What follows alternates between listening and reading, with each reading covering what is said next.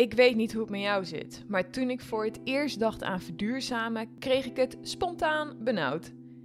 Moet ik mijn leven helemaal omgooien voor die groenere voetafdruk? Mag ik ineens niks meer?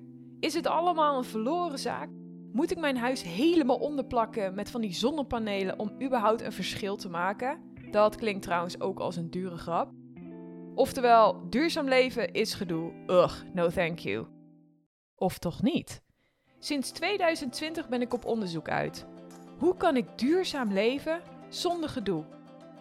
Met inspirerende interviews en een hoop uitproberen, inclusief flink op mijn bek gaan, zoek ik de weg naar een groenere voetafdruk.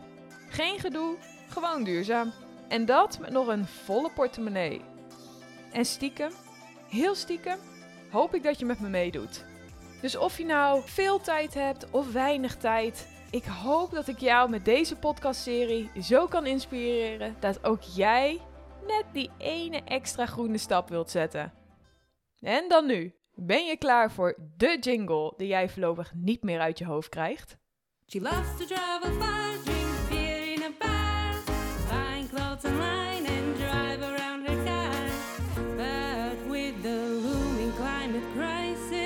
the melting Arctic ices, all the plastic in the